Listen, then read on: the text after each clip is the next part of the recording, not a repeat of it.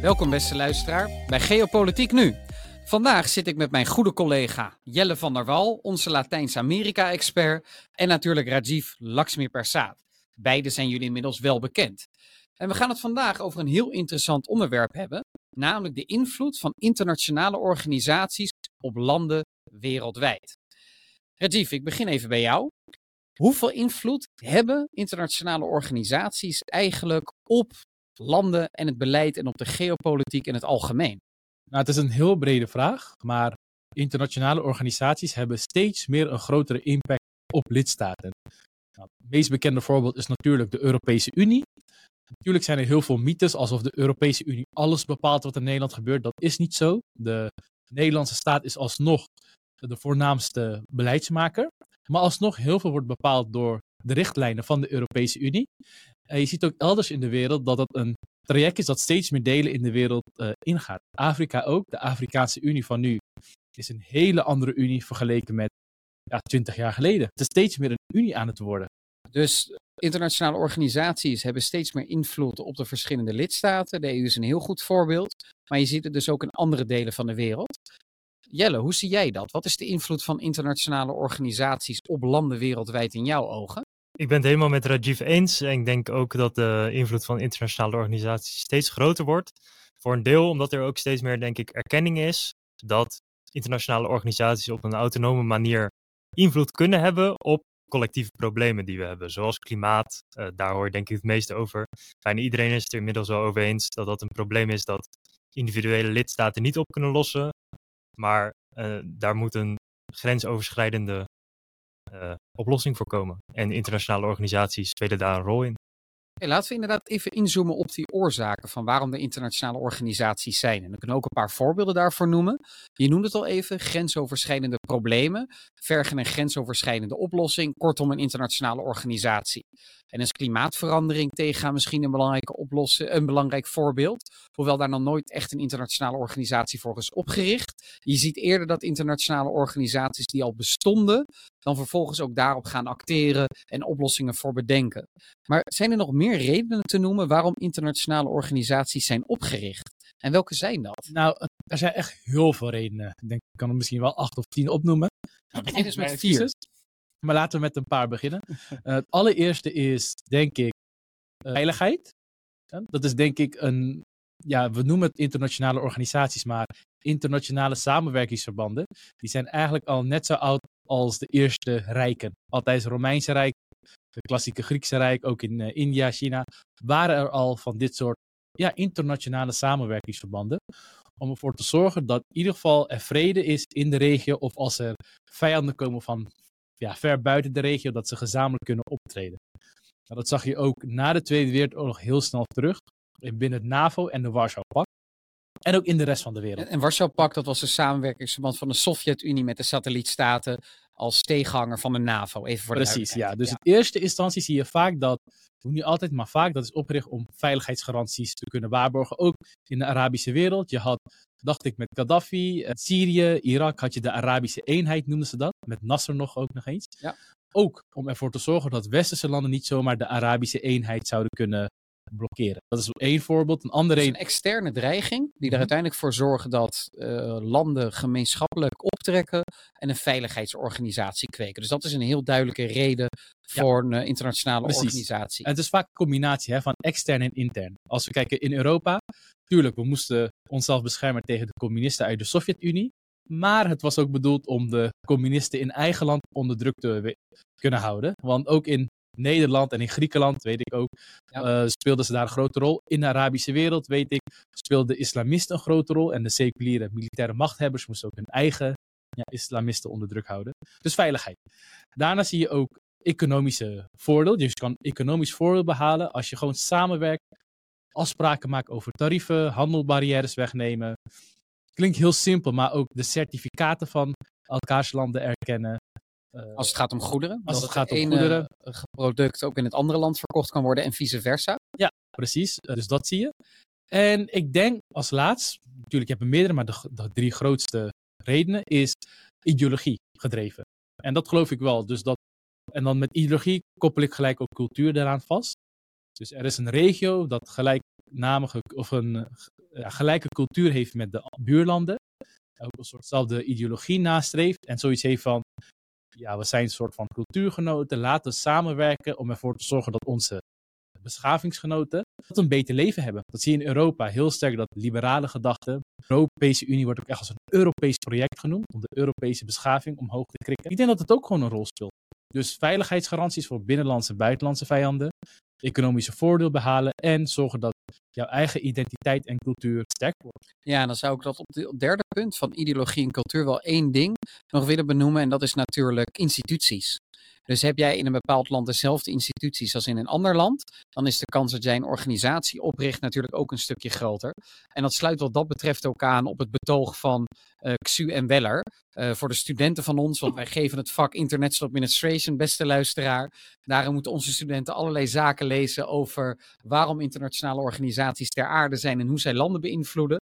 En in dit artikel, dat jullie ook vanzelfsprekend mogen lezen, we zullen het in de beschrijving erbij zeggen, wordt eigenlijk aangegeven waarom die uh, internationale organisaties worden opgericht en waar ze dan ook invloed aan kunnen ontlenen.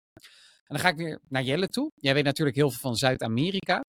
Wat me altijd is opgevallen, dat de samenwerking in Zuid-Amerika wel wat is tegengevallen, in alle eerlijkheid. Zeker als ik het vergelijk met zelfs de Afrikaanse Unie en met name de Europese Unie. Terwijl ze wel dezelfde cultuur hebben. Rajiv geeft net aan, dezelfde cultuur die richten sneller een organisatie op waarin ze gaan samenwerken. Nou, ze spreken in Zuid-Amerika Portugees of Spaans. Ze hebben allemaal een krakkemikkige democratie. Ze liggen vlak bij elkaar. Waarom is het zo moeilijk voor Zuid-Amerikaanse landen om echt te komen tot een hechtere Zuid-Amerikaanse Unie? Ja, dat is een goede vraag. Ik denk dat daar overigens de laatste jaren daadwerkelijk wel verandering in is gekomen. Dat ook Zuid-Amerikaanse landen die uh, drive wel echt hebben en kijken naar de Europese Unie ook als een voorbeeld. Uh, ik denk sowieso dat de rest van de wereld daar heel vaak naar kijkt, trouwens, naar de Europese Unie. Uh, en dat bijvoorbeeld de Mercosur en een aantal andere initiatieven, dat, dat daar wel degelijk aan gewerkt wordt. Maar de politieke instabiliteit en ook economische instabiliteit, ik denk dat dat het voornaamste probleem is waarom die integratie af en toe nog wat daar schort nog wat aan. En bijvoorbeeld de Mercosur kwam vrijwel direct al in de problemen door de economische situatie in Argentinië in 2002. Dus dat, hè, dat is dan een voorbeeld. En nu, later zagen we het ook met Venezuela, dat geschorst is uit de Mercosur. Ja, dus dat zijn, dat zijn dan voorbeelden waar het toch lastig is om te integreren. En ook vanwege politieke verschillen. Dus uh, vaak omdat het presidentiële systemen zijn vooral, heb je of een heel linkse overheid of een heel rechtse overheid. En er zit weinig tussen, er is weinig coalitievorming. En dat maakt het ook lastiger om die middenweg te vinden, denk ik, in, in internationale samenwerking of verdragen. Ik zou denk ik wel wat willen toevoegen. Ik vind het een heel goed punt. Ik denk ook, het is misschien een theorie, kan je misschien zelf bedenken, van leiden presidentiële systemen ertoe dat er minder sprake kan zijn van regionalisering, omdat er moeilijk sprake is van een, of weinig sprake is van een middenblok. En daar moet het vaak uit voortkomen. Uh, maar ik denk ook dat het vooral komt omdat, er, omdat de democratieën nog niet op een bepaald niveau zitten. Ik geloof zelf, al kan ik dat niet met cijfers staven, maar dat bevolkingen wel graag met elkaar willen samenwerken, willen integreren. Vooral bevolkingen die eenzelfde cultuur delen. Maar dat omdat democratie niet goed werkt, dat er dus vaak, vaak sprake is van regimebelangen binnen, land, binnen die landen. En dat eigenlijk die regimebelangen, dus van oligarchen of industriëlen, ervoor zorgen dat echt die verdere integratie wordt geblokkeerd. Ik denk dat echt dat een Argentijn en een Chileen of een Boliviaan echt verder willen integreren, maar dat bepaalde belangen dat tegenwerken. Dat dat in Europa minder het geval was geweest, omdat na de, uh, na de Tweede Wereldoorlog ja, was alles in puin. Dus de industriëlen hadden ook niet zo heel veel macht. En dat zag je ook terug in de verkiezingsuitslagen. Het was één rode golf, en dan sociaal-democratische golf in het westen, in het democratische deel van Europa. Ik denk dat dat vooral een rol speelt. Dus ik denk zelfs hoe meer democratie, hoe meer regionalisering. Dat zou goed kunnen, inderdaad. Vooral als je uh, economische diversificatie koppelt aan uh, democratisering en daardoor de afname van regimebelangen die op gespannen voet staan met landsbelangen, toch nog even dieper ingaan. Je gaf aan, de laatste jaren zie je wel meer van die samenwerking uh, binnen, het, uh, binnen Zuid-Amerika. Mercosur is daar dan een eerste aanzet toe. En dat is dan een handelsverdrag tussen de verschillende landen. Wat verwacht jij in de komende vijf tot tien jaar voor die Zuid-Amerikaanse samenwerking? Hoe hecht kan het worden, politiek gezien? dat zou ineens een enorme uh, vlucht kunnen nemen als die deal met de EU door zou gaan. Ik denk dat dat echt cruciaal is dan om de Mercosur op een voetstuk te plaatsen en echt, okay. echt een, ja. Dus dan kan onze regionalisering, onze Europese regionalisering, kan dan bijdragen aan de Zuid-Amerikaanse regionalisering. Zeker. En, en de politieke situatie natuurlijk, want we hebben eerder een podcast over, opgenomen over Millet bijvoorbeeld nou ja, dat zijn wel uh, interessante leiders om te volgen. Om te kijken of zij bereid zijn tot uh, verdere integratie of juist niet. Dat ze toch weer uh, meer vanuit een realistisch perspectief kijken. Eigenlijk. En zeggen: nee, eerst wij. En, en dan gaan we pas kijken naar mogelijke samenwerking. Dus dat is een interessante, want ik denk. Uh, om aan te sluiten nog op de discussie waar we het net over hadden. De punten die je noemt van veiligheid en economische integratie, die, die starten allemaal bij een toch wel liberaal idee van we kunnen allebei winst uithalen. Het is een positive sum game, zo, uh, zo gezegd.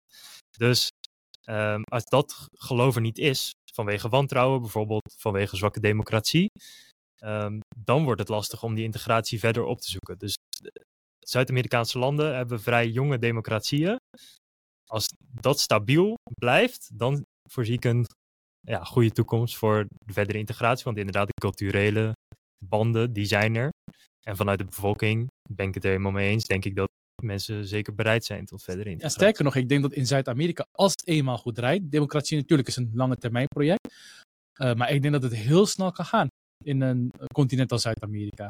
Dat verwacht ik ook, maar er is natuurlijk wel één nadeel voor Zuid-Amerika. Die culturele historie, die gemeenschappelijkheid is daar duidelijk, zelfs qua talen.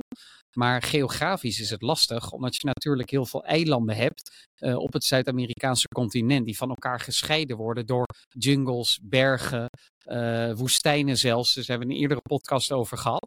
Toch nog even de theorie die je noemde, het realisme en het liberalisme. Voor onze studenten en ook andere luisteraars. Het realisme houdt eigenlijk in dat alle landen wereldwijd handelen in het eigen belang.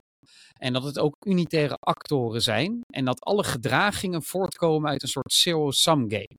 Wat betekent dat nu eigenlijk? Dat als ik win, een ander verliest. Of dat als een ander wint, ik verlies. Dus dan kom je tot een heel andere samenwerking als je daarvan uitgaat dan als je uitgaat van een liberale samenwerking. En die liberale samenwerking denkt nog steeds dat lidstaten, landen de belangrijkste actoren op de wereld zijn. Maar dat er wel een positieve sumgame mogelijk is via samenwerking. En internationale organisaties, die zijn er dan ook vooral om die samenwerking te bevorderen. Daar waar de realisten denken dat die internationale organisaties er puur en alleen zijn als machtsinstrument van de machtige landen. En kleine landen moeten zich maar aansluiten bij die machtige landen, want die hebben op zichzelf geen bestaansrecht. En dit is een derde perspectief, en daarna ga ik een vraag aan jullie stellen hierover. En het bestuurskundige perspectief zegt eigenlijk de internationale organisaties, die worden niet alleen beïnvloed door die landen. Nee, de internationale organisaties zoals de NAVO, de EU, de Afrikaanse Unie en in de toekomst wellicht ook Mercosur, die beïnvloeden ook de verschillende leden. En die hebben ook zelf een bepaalde bureaucratie, waar normen bedacht worden, ideeën bedacht worden, beleid bedacht wordt, dat dan ook rechtstreeks een invloed heeft op de lidstaten. En dan vraag ik me eigenlijk wel eens af bij jullie. Kunnen jullie een voorbeeld noemen van een internationale organisatie die vooral een machtsinstrument is van een groot machtig land in de wereld en om die reden meer aansluit bij het realisme? Ik kan Moeilijke vraag wellicht, maar Rajiv? Nou, je hebt er denk ik meerdere gehad. In het, velen zeggen dat de Verenigde Naties dat is, vanwege het feit dat bepaalde landen vetorecht hebben. En boven die landen uh, ja, er zijn landen die vetorecht hebben, waarvan je denkt van ja, verdienen die misschien wel een vetorecht? Frankrijk of in Engeland. Je kunt het heel goed begrijpen gezien ze vroeger de helft van de wereld bezaten, maar dat, is niet het geval. Uh, dus daar wordt vaak gezegd uh, dat het een instrument is voor rijke of machtige landen. Maar in het verleden zie ik wel nog betere voorbeelden. Ja, als we teruggaan naar de Organisatie van Niet-Gebonden Staten of de Arabische Eenheid waar ik het eerder had, Eén uh, reden waarom dat uit elkaar is gevallen is niet zozeer vanwege westers ingrijpen, maar omdat andere Arabische leiders, en ook hier weer, het waren geen democratische leiders, maar dictators, een sterk wantrouwen hadden naar Nasser. De eh, toenmalige seculiere, keihard seculiere president van Egypte, die eigenlijk landen als Syrië en Egypte uh, met elkaar wilde voegen, samenvoegen. Klopt. En daartoe deze organisatie oprichten. Precies, hij was echt een soort ja, Atatürk van Egypte heel sterk seculier. Ja, er werd met heel veel wantrouwen gekeken naar Nasser, omdat zij inderdaad zeiden, dat deze eenheid wordt gebruikt als een instrument voor Egypte. En heb je misschien ook nog bestaande organisaties die echt een voorbeeld zijn van machtsinstrument voor machtige landen? En dat die landen het zelf zo nadenken, of dat die lidstaten er zelf ook zo over voor uitkomen.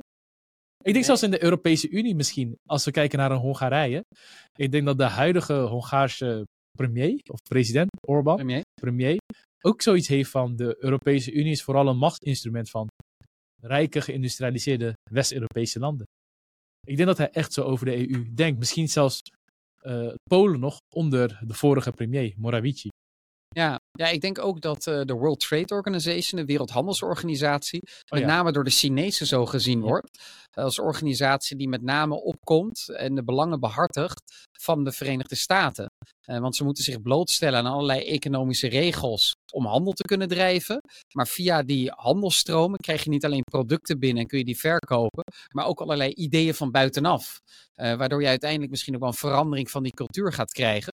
Dus zelfs zo'n bijna technische handelsorganisatie, zoals de eh, WHO of de World Trade Organization in het Engels, die wordt wel eens gezien als machtsinstrument van machtige landen. Als ik daarop mag inhaken, ik denk, het kwam net niet in mijn hoofd om, maar inderdaad de World Trade Organization, maar vooral ook vanwege het arbitrage-instrument.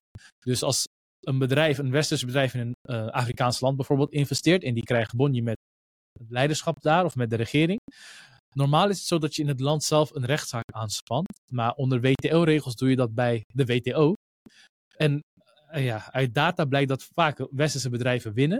Amerika heeft bijvoorbeeld nog nooit een rechtszaak verloren tot nu toe.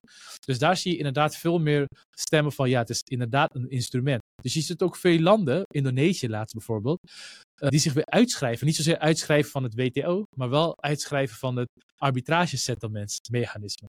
Ja, want dat Eh, kan uiteindelijk ervoor zorgen dat als jij meer geld wilt investeren in gezondheidszorg, of bijvoorbeeld de watervoorziening weer wil nationaliseren, dat dan een Nestlé geld verliest. En dan kan Nestlé jou aanklagen. En dan heb je daar een Amerikaanse rechter zitten, Ja. die dan in het voordeel van het Amerikaanse eh, bedrijf, of het westerse bedrijf in ieder geval, een uitspraak doet. En dat kan natuurlijk heel erg erop lijken dat de, WH, eh, de, de WTO er dan is, puur en alleen om de belangen van het Westen te behartigen. Ja, die jij wil iets zeggen. Die leden die de arbitragezaken leiden, dat zijn natuurlijk ook altijd landen, of rechters uit landen, die de middelen hebben om dat soort zaken ook te bemiddelen. En niet dus de zwakkere economieën eh, van de WTO. Ja. Dus daar zit ook een ongelijkheid in, bijna automatisch.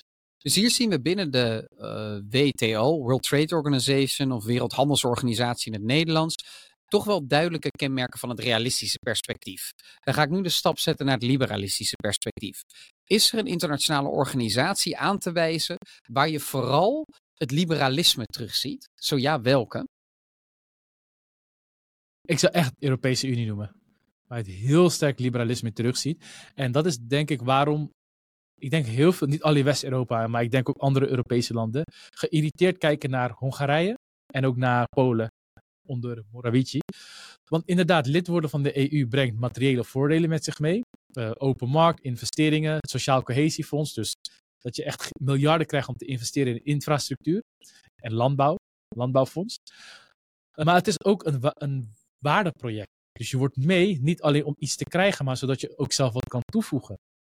En dat is denk ik het idee binnen de Europese Unie. En mijn persoonlijke mening bij een Hongarije is dat zij het echt zien als iets.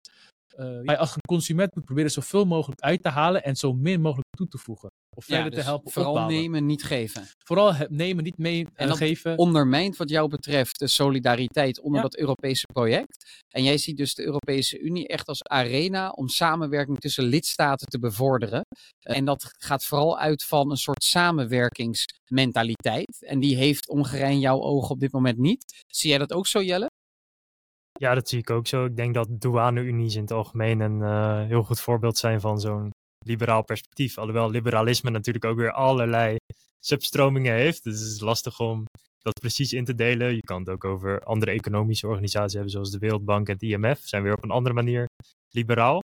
Eh, maar ik ben het helemaal eens met Rajiv dat de EU wel echt, omdat het veel verder nog gaat dan een douane-unie, echt een gemeenschappelijke unie, ja, is dat eigenlijk zo vergaande vrijheid binnen de, binnen de Unie, van personen en goederen, noem maar op, dat dat ja, dat is een heel zuiver voorbeeld, denk Ja. ik, van eh, liberale En insteek. Sterker nog, hoe je dat ziet is, de Europese Unie is denk ik de enige internationale organisatie dat een eigen ja, volkslied als het ware heeft. Van alle mensen werden vrienden. Is dat Duitse melodiestuk. Een eigen vlag of een logo. Eh, ze wilden zelfs tot een eigen grondwet komen. En ik denk zelf dat het een van de redenen is waarom wij binnen de EU Oekraïne ook zo erg steunen. Maar als je echt heel realistisch misschien was, heel egoïstisch realistisch, dan zou je zeggen, weet je wat? Zoals Trump zegt, laten we een deal maken met de Russen. En ook wij hebben daar heel veel te winnen, toch? Gasdeals, Ja, andere eh, deals. Respect voor de invloedssfeer, dat is natuurlijk cruciaal voor realisten. Dat zie je ook vaak terug. Ja. Dan nog even toch een stap naar het derde perspectief, dat bestuurskundige perspectief. Zelfs de liberalen die stellen dat lidstaten de belangrijkste actor zijn op het wereldtoneel en voor eh, in het internationale verkeer. Hebben jullie het idee dat bepaalde internationale organisaties inmiddels al lidstaten aan het overvleugelen zijn en belangrijker aan het worden zijn dan de lidstaten? Dan kijk je toch ook weer vooral naar de EU. Hè? Dus, Nou jongens, eh, het is een lekkere ja. eh, wereldwijde podcast. Nou, oké, als we- terug. Als we even buiten de EU dan mogen kijken, sorry dat ik je onderbreek, is dan denk ik ook de Afrikaanse Unie hoor. En daar vind ik de Afrikaanse Unie heel interessant om te volgen. Want, natuurlijk, het is niet zo ver als de EU, maar je ziet daar wel heel duidelijk dat de Afrikaanse Unie steeds meer invloed probeert te wenden over interne zaken, met name tijdens verkiezingen. En daar zie je het wel heel duidelijk terug dat daar waar dictators vroeger gewoon hun gang konden gaan en uh, coups konden plegen, zie je dat nu ook gebeuren. In Mali en Niger zijn ook coups uh, gepleegd. Maar de Afrikaanse Unie zegt er wat van. En ze waren echt ook op het punt om militair binnen te vallen. Nou, dat was niet per se de Afrikaanse Unie, dat was ECOWAS. Oh, was, dus okay. je ziet juist binnen de Afrikaanse Unie inderdaad dat het inderdaad steeds meer richting politieke integratie gaat. Eerst economisch. Het, is nu, het zou nu één grote markt moeten zijn, interne markt Afrika, Afrika en de Afrikaanse Unie. Daar is nog niet volledig sprake van. Er moet steeds meer stappen worden gezet in de richting van vrij verkeer van personen. Uh, is nog niet volledig het geval, of eigenlijk nog volledig niet, maar ze zetten stappen die kant op. Maar het interessante in Afrika is juist dat je heel duidelijk regionalisering terugziet. Dus dat je een sterkere samenwerking hebt tussen Noord-Afrikaanse landen, duidelijk Afrikaanse landen, uh, Oost-Afrikaanse landen en dan ECOWAS in het westen van Afrika. En daar zie je de interventiebereidheid wel terug, waar er inderdaad een paar jaar geleden in Ivoorkust is ingegrepen ter voorkoming van een coup. In de Sahel-regio daarentegen, daar is er juist geen sprake van. En dat zie ik dan eerder ook juist weer als verzwakking van het Afrikaanse project. Of het West-Afrikaanse Ja, maar ik denk het is project. ook een... Want in Niger, Mali, Mauritanië en in Soudaan is niet ingegrepen. Nee, klopt. Het is denk ik ook een lange termijn project. Ik denk overigens, ook hadden we in een andere podcast over gehad, dat willen we als EU ingrijpen, dat we altijd moeten doen met die lokale internationale organisaties. Dus nooit uit jezelf. Nooit alleen. Nee, nee, dat moet je ik heb het overigens wel een ander leuk voorbeeld voor je vraag. Dus waar je duidelijk ziet dat internationale organisaties heel sterk invloed heeft op de lidstaten. Dat is de Eurasiatische Unie. Dus uh, Rusland en de Centraal-Aziatische landen. En Wit-Rusland dan. Maar ik, ik, weet niet of het de organisatie ik vind is. dat eerder realistisch. ik, ik denk dat het eerder... Dit is heel duidelijk een machtsinstrument voor Rusland. Daarom denk ik ook dat het realistische perspectief op de langere termijn gaat verliezen van het liberalistische perspectief. Waarom? Omdat als jij als machtigste land binnen een samenwerkingsverband alleen maar voor je eigen belangen opkomt, dan verzwak je eigenlijk die andere lidstaten en daarmee jouw organisatie als geheel. En dat is eigenlijk de samenwerking die Rusland altijd voorstaat, namelijk het exploiteren van andere landen. Terwijl je bij westerse samenwerkingsverbanden nog wel eens het. terugziet. En dan ga je bij die landen hebben, zodra ze de kans hebben, kijk maar naar Armenië, om weg te vluchten of te ontsnappen, dan doen ze dat. Net als. Oekraïne nu. Armenië denk ik ook, die zit gewoon te hopen wanneer... eh, Ja, als ik dan toch nog een voorbeeld mag geven van organisaties die steeds meer invloed hebben op lidstaten. Ja, het is wat saai, maar dat zijn organisaties die niet politiek controversieel zijn. Dus die zich niet bezighouden met zaken rondom defensie, belastingheffingen of buitenlands beleid. En organisaties die een heel hoge mate van technische expertise hebben. Eh, rondom luchtvaart, treinverkeer, telecom, co- communicatie. Nou, ga zo maar door. Daar zijn internationale organisaties wel heel erg van belang als het gaat over de breedte van een vliegtuig. Over hoeveel stoelen er in een vliegtuig moeten zitten. Hoe breed een luchtbaan moet zijn. Hoe groot een vliegveld minimaal moet zijn. Ik weet het niet. Dat soort maatstaven wordt heel erg internationaal bepaald. Dus op deze terreinen zie je wel een enorme internationalisering terug van ons beleid. Dus tijdens corona zag je dat met de WHO? Tijdens corona, uh, ja, corona. Ja, hoe zie jij dat, de Wereldgezondheidsorganisatie? Hoe leidend is die in het bepalen van beleid en misschien ook wel het stellen van normen? Ja, ik denk dat de kijk op, hoe sterk de WHO uiteindelijk was tijdens bijvoorbeeld de coronapandemie heel erg verschillend is. Heel veel mensen zagen het als uh, dat uiteindelijk toch dat realistische perspectief veel sterker naar voren kwam. Dat de WHO eigenlijk niet zo heel veel te vertellen had. Dus dat die expertise weliswaar erkend werd, maar dat het toch ieder voor zich was. Uh, bijvoorbeeld heel bekend natuurlijk met de vaccinaties, dat het toch hè, toen ze eenmaal waren, dat het eerst het Westen was, vooral dat de vaccinatie had. En toen pas gingen we naar de rest van de wereld kijken of zij ook een aantal vaccinaties mochten afnemen of, of krijgen eventueel. Dus in dat opzicht denk ik dat de WHO, toen het erop aankwam, toch minder sterk uh, bleek dan mensen misschien van tevoren hadden gedacht. Dat, dat pleit niet voor het bestuurskundige perspectief, denk, denk ik dan. Want die autonomiteit, de kracht en de formele macht, die viel in de praktijk toch tegen, zou ik zeggen. En heb je wel het idee dat als het gaat om normen, van wat een pandemie eigenlijk inhoudt, dat de WHO daar wel belangrijker in is? Jawel, ze hebben wel ze zeker uh, legitimiteit als het gaat om de kennis. En, en inderdaad, als het gaat om het zetten van de normen. Uh, bijvoorbeeld, wat, ja, wat is een, een uh, ook, ook bijvoorbeeld de kwaliteit van de vaccinaties. Volgens mij hebben ze daar best wel wat inbreng gehad. Alhoewel de EU daar uh, ook heel veel uh, mee heeft gedaan zelf. Dus ja, qua normen, qua expertise, daar heeft volgens mij niemand echt aan getwijfeld. Maar wel de belangen van de landen waar ze voor opkwamen. Daar, daar zag je het wel een beetje wringen. Misschien zie je ook wel terug op het moment dat het puur gaat om expertise delen en normen delen. Dan kunnen internationale organisaties bepalend zijn. Maar als het echt de kernbelangen van landen gaat raken, dan zie je toch weer veel sterker het liberale, het realistische uh, perspectief op geld. Dat denk ik ook bij de OECD. Toen ze belastingontduiking wilden voorkomen of wilden aanpakken, kwamen heel veel experts bij elkaar. Bij elkaar ze kwamen met goede punten. Maar ja, het werd toch op een gegeven moment controversieel voor sommige landen. En dan zie je dat er best wel een en ander wordt afgezwakt. Dus ik denk dus dat je het, het uh, controversieel verklaren of het controversieel worden van onderwerpen zorgt ervoor dat de invloed van expertise gedreven internationale organisaties minder wordt. Daar komt het in de kern eigenlijk op neer. Toch zie je wereldwijd steeds meer uh, regionalisering terug. Dus dat landen die vlak bij elkaar liggen met elkaar gaan samenwerken. En dan heb ik ook eigenlijk een vraag aan jou, Jelle. Heb jij het idee dat dat soort internationale organisaties, die regionaal gebonden zijn, kunnen bijdragen aan de opkomst van de multipolaire wereldorde? Ik denk van wel. Uh, en ik denk dat het voor een deel te verklaren is ook aan de hand van het bestuurskundig perspectief. Dus als internationale organisaties op zichzelf een soort aut autonoom worden, denk ik dat uh, ze ook meer gaan staan voor een soort een wat eerlijkere verdeling in de, in de wereldmacht. En daarom minder vanuit, hè, minder een doorgeefluik van lidstaten om hun belangen te vertegenwoordigen, maar meer uh, vanuit de organisatie zelf. En de mensen die bij die organisaties werken, internationale ambtenaren, hebben toch dan meer een internationale identiteit, denk ik, die ze ook nastreven. Respect voor het internationaal recht, bijvoorbeeld. Waardoor ja, die, die verhoudingen wereldwijd, denk ik, eerder uh, gelijker worden dan dat het nog meer in het belang is van de sterkste, de meest machtige landen of staten. Oké, okay. Rajiv, hoe zie jij dat? Heb jij ook het idee dat die regionale organisaties uiteindelijk kunnen bijdragen aan de totstandkoming van een multipolaire wereldorde? Ik denk het wel. Ja, want het hele idee van een multipolaire wereldorde is dat er niet één of twee, maar per regio belangrijke landen zijn. En ik denk dat regionalisering daar extra voor zal zorgen. Vooral als ik kijk naar de wereld, is dat heel veel van die rijkere, relatief rijke, machtige landen in die regio's uh, een grote rol zullen spelen in lokale regionalisering.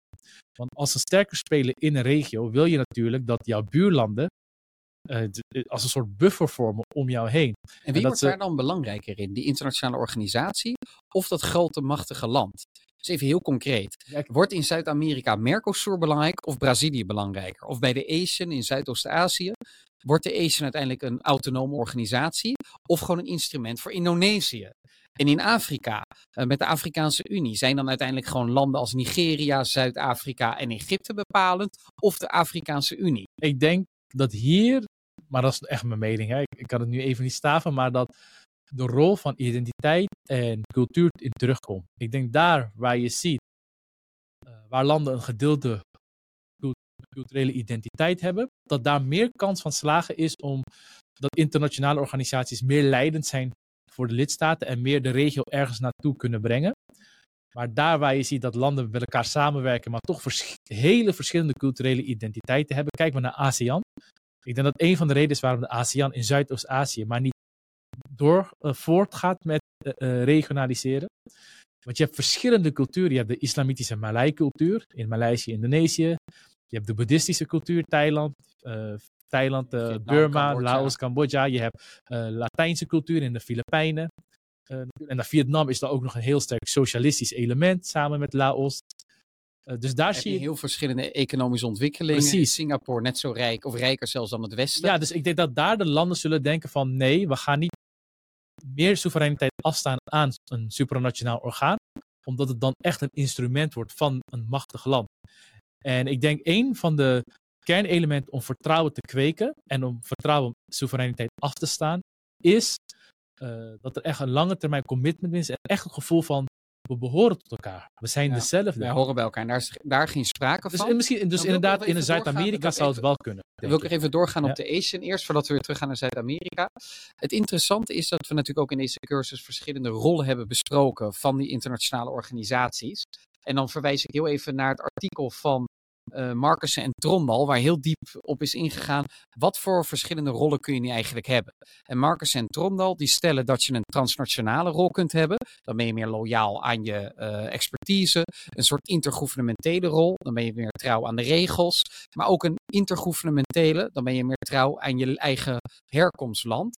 Of een meer, eh, wat was die vierde term nou? Nee, nee, nee, dat was supranationaal. Oh ja. Supranationaal, dan ben je meer loyaal aan de organisatie als geheel. En bij de Asian zie je ook veel sterker een loyaliteit liggen bij de lidstaten dan bij de organisatie als geheel. En dat is logisch vanuit het verhaal dat jij net eigenlijk stelde, die, tot, die heel grote regionale verschillen, die uiteindelijk uitmonden in een onvoldoende bereidheid om soevereiniteit op te offeren. Dus als jij dan wil dat er mensen wordt aangesteld binnen de Asian, dan ga je er vooral voor dat die loyaal zijn aan jouw eigen Ja. land en niet aan de organisatie als geheel. Terwijl we bij de Europese Unie natuurlijk wel veel meer die supranationale mentaliteit terugzien. Dan toch wel die vraag over Zuid-Amerika dan, want je voelt hem al aankomen, Jelle. Wanneer kunnen wij bij de Mercosur een rol verwachten van de ambtenaren die daar werken, die meer supranationaal is, dus naar Mercosur als geheel? Ja, ik denk, eh, als ik eh, Rajiv hoorde, dan zou dat er bijna al moeten zijn, omdat ze een gedeelte cultuur hebben. Ik denk dat het wel iets gecompliceerder ligt dan dat. En ik denk dat het voor een groot deel ligt in de bronnen van financiering, eerlijk gezegd. Dus eh, simpelweg, waar haal je geld vandaan? Is dat voornamelijk vanuit één lidstaat? Nou ja, dan kun je al bijna vanuit gaan dat de belangen van die lidstaat vooral vertegenwoordigd zullen worden in die organisatie. Maar ik denk ook de organisatiestructuur. Dus als je, eh, en ook aan bijvoorbeeld aan wie ben je verantwoording verschuldigd? Dat soort mechanismen. Hoe democratisch is een organisatie? Maar ook eh, dus hoe groot is de bureaucratie? Hoeveel expertise is er in de organisatie? Want dat bouwt een bepaalde legitimiteit op. Ehm, ook voor een deel eh, eh, rationeel legaal. En, en vanuit eh, eh, eh, de, Xu en Weller heb je onder andere. En ook eh, eh, Barnett en Finnemore, die spreken over constru- stru- constructivisme, sorry. Sociaal constructivisme. En, Wat houdt het precies in voor de andere luisteraars?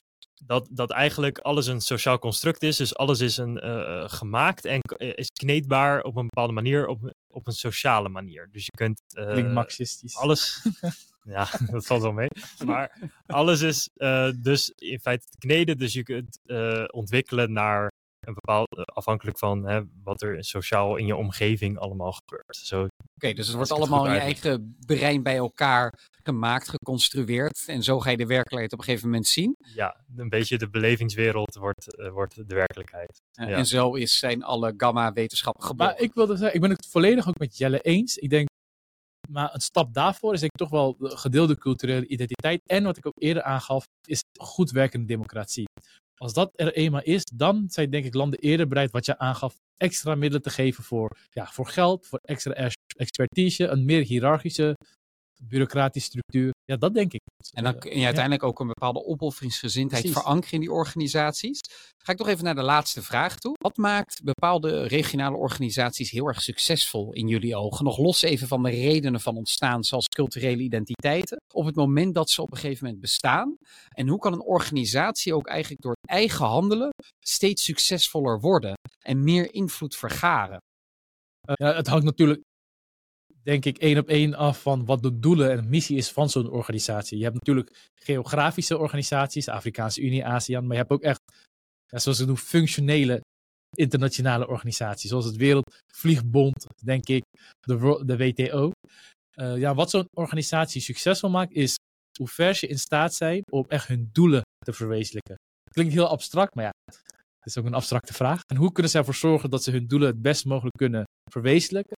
Maar kun je dat toch iets specifieker maken? Want Ja. ik vind doelen verwezenlijken iets te simpel. Nou, als we bijvoorbeeld. soms kunnen ook, wacht Ja? even, soms kunnen ook kan de informele invloed van een organisatie gaan de formele doelen verwezenlijken. En hoe kan je daar nu voor zorgen dat je als organisatie eigenlijk uitdijt? En we zijn allemaal bestuurskundigen. In ieder geval Reggie en ik zijn bestuurskundigen ook vanuit onze bacheloropleiding. En daar hebben we geleerd dat een organisatie altijd zal proberen de eigen belangen te behartigen en uit te dijen, groter te worden. Dat zit in de aard van organisaties of eigenlijk in een groep samenwerkende Ja. mensen. Wat zijn de succesfactoren om uiteindelijk te kunnen blijven uitdijen als organisatie?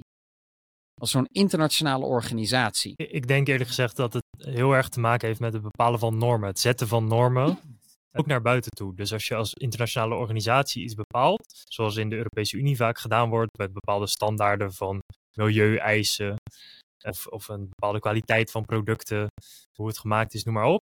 En als andere regio's dat overnemen, omdat het eigenlijk eh, zo legitiem is geworden dat dat de nieuwe standaard is, wereldwijd misschien wel.